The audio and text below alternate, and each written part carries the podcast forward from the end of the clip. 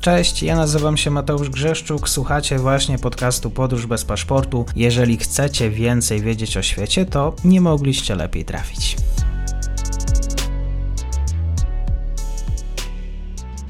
Dzień dobry wszystkim e, słuchaczom. Dzisiaj mam przyjemność gościć na podcaście dr Damiana Szacawa. Będziemy rozmawiać o akcesji e, Finlandii i Szwecji do NATO. Dzień dobry. Dzień dobry. Może krótkie pytanie, czy Finowie, Szwedzi mają takie poczucie, że dzieje się coś ważnego, że to jest taki przełomowy moment, jeżeli chodzi o historię, powiedzmy, relacji dyplomatycznych, historię w ogóle samego kraju? Czy jest takie poczucie powagi dla tego, co się dzieje? Jest, jest to odczuwalne. E, możemy powiedzieć o tym, że ta decyzja, która w zasadzie której się spodziewamy, tak, bo tej decyzji jeszcze wciąż nie ma, rozmawiamy w piątek, e, oczekujemy na sobotę, niedzielę na dwa posiedzenia z partii socjaldemokratycznych w sobotę w Finlandii, w niedzielę w Szwecji, w poniedziałek dyskusje w fińskim parlamencie i wielce prawdopodobne, że również do tego dołączą Szwedzi w swoim swoim Riksdagu, że to jest taki moment e, historyczny. Znaczy, może to jest e, duże słowo, ale to jest e, przykład tego, jak historia potrafi dziać się na naszych oczach i jak ta historia bardzo szybko się zmienia, jak zmieniają się stosunki międzynarodowe. Rozumiem, że elity polityczne w obu krajach są za przystąpieniem. Pytanie, czy nadal pojawiają się głosy sprzeciwu? Te głosy sprzeciwu, powiedzmy, są, to nie są może głosy sprzeciwu jako takiego, tylko to są głosy, które e, mówią o tym, że może należałoby troszeczkę dłużej porozmawiać, pozastanawiać się nad tym, podebatować. E, to jest e, widoczne tak wśród Finów, jak i Szwedów.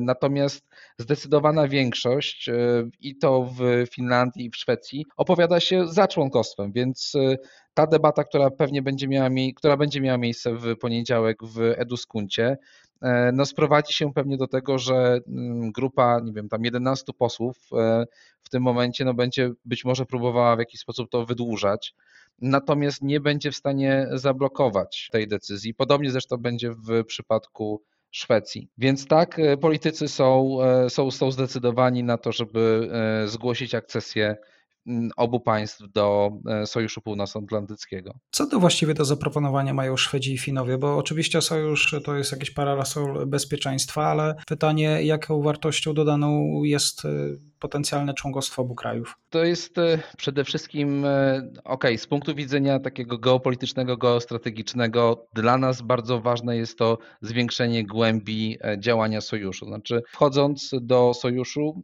państwa takie jak Finlandia i Szwecja bardzo mocno zwiększają tą głębię strategiczną, jeśli chodzi o obecność NATO na Bałtyku.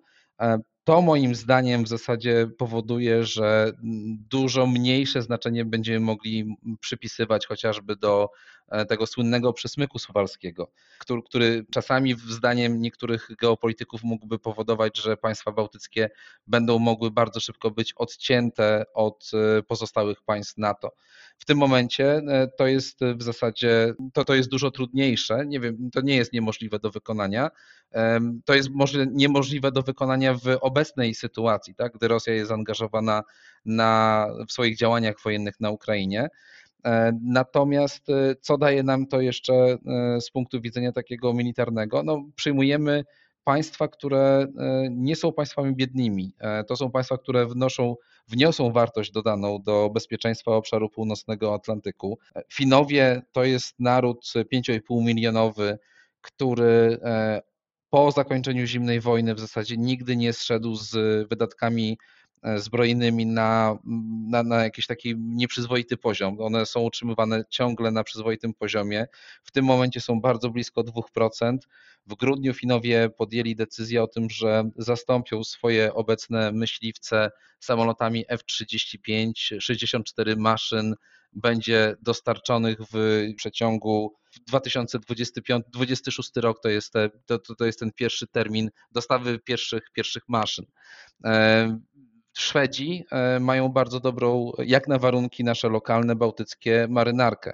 Pięć okrętów podwodnych chociażby to jest e, coś, co przychodzi bardzo, bardzo szybko. Mają e, przemysł, który jest w stanie mm, projektować i budować okręty podwodne. Mamy korwety Wizby, chociażby również szwedzkie. Finlandia to jest Patria, No, być może to Patria, to powinna, to, to nazwa tej firmy już powinna powiedzieć e, wszystkim zainteresowanym, no ale no, w Polsce mamy Rosomaka, tak? to, jest, to jest produkt e, tej, tej firmy. Jeżeli chodzi o taką współpracę z NATO, to też nie jest dla Szwedów i Finów nowość.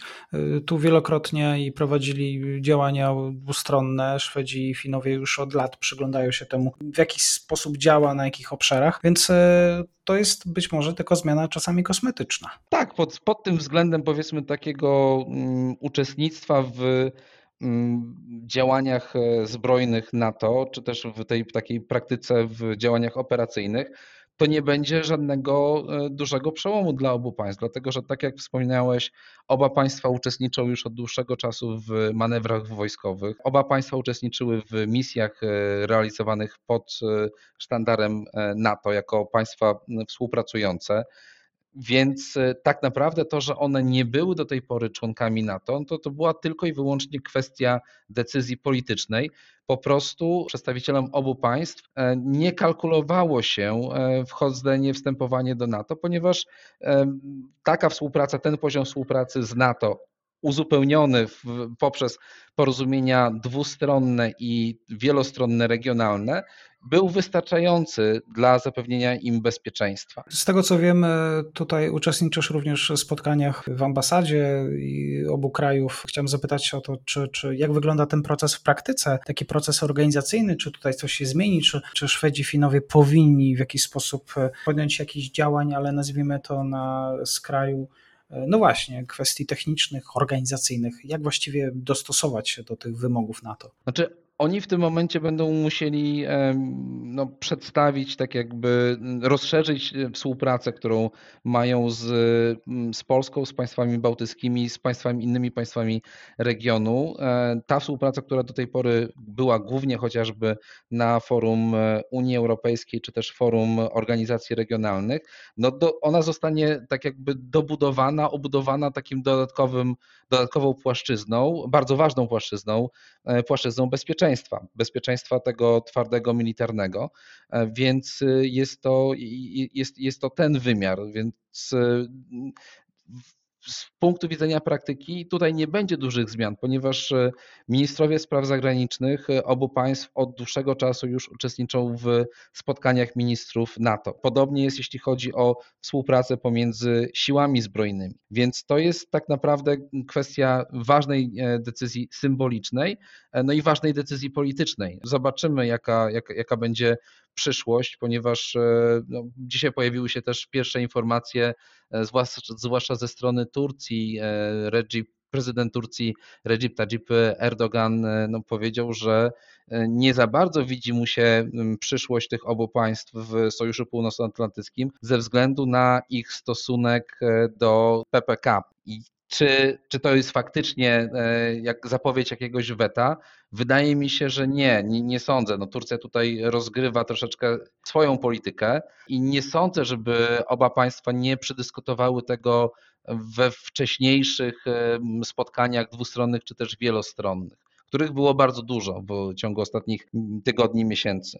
Państwa skandynawskie bardzo często były tym miejscem, którym, do którego uciekali tak zwani goleniści, czyli akurat przeciwnicy obecnego urzędującego prezydenta Erdoana. Ja nie jestem specjalistą od Turcji, więc, więc tutaj polegam na Twojej wiedzy i na Twoich kontaktach, ekspertach, którzy się zajmują tym, tym, tym państwem. Natomiast no, z moich obserwacji wynika, że e, Turcy oczywiście będą chcieli e, ugrać dla siebie e, cokolwiek przy okazji tego procesu ratyfikacyjnego, rozszerzenia sojuszu o e, dwa kolejne, dwa kolejne państwa. Więc będzie to tak naprawdę ciekawe ćwiczenie dla dyplomacji obu państw, plus dla dyplomacji e, chociażby amerykańskiej e, w jaki sposób przekonać tutaj Turków do zmiany ich stanowiska. To nie jest też, to pierwszy raz, gdy Turcja podnosi pewne pewnego rodzaju, nie wiem, ciśnienie, można to tak powiedzieć, niektórym, nie, niektórym politykom, bo pamiętam kilka lat temu Turcy dość mocno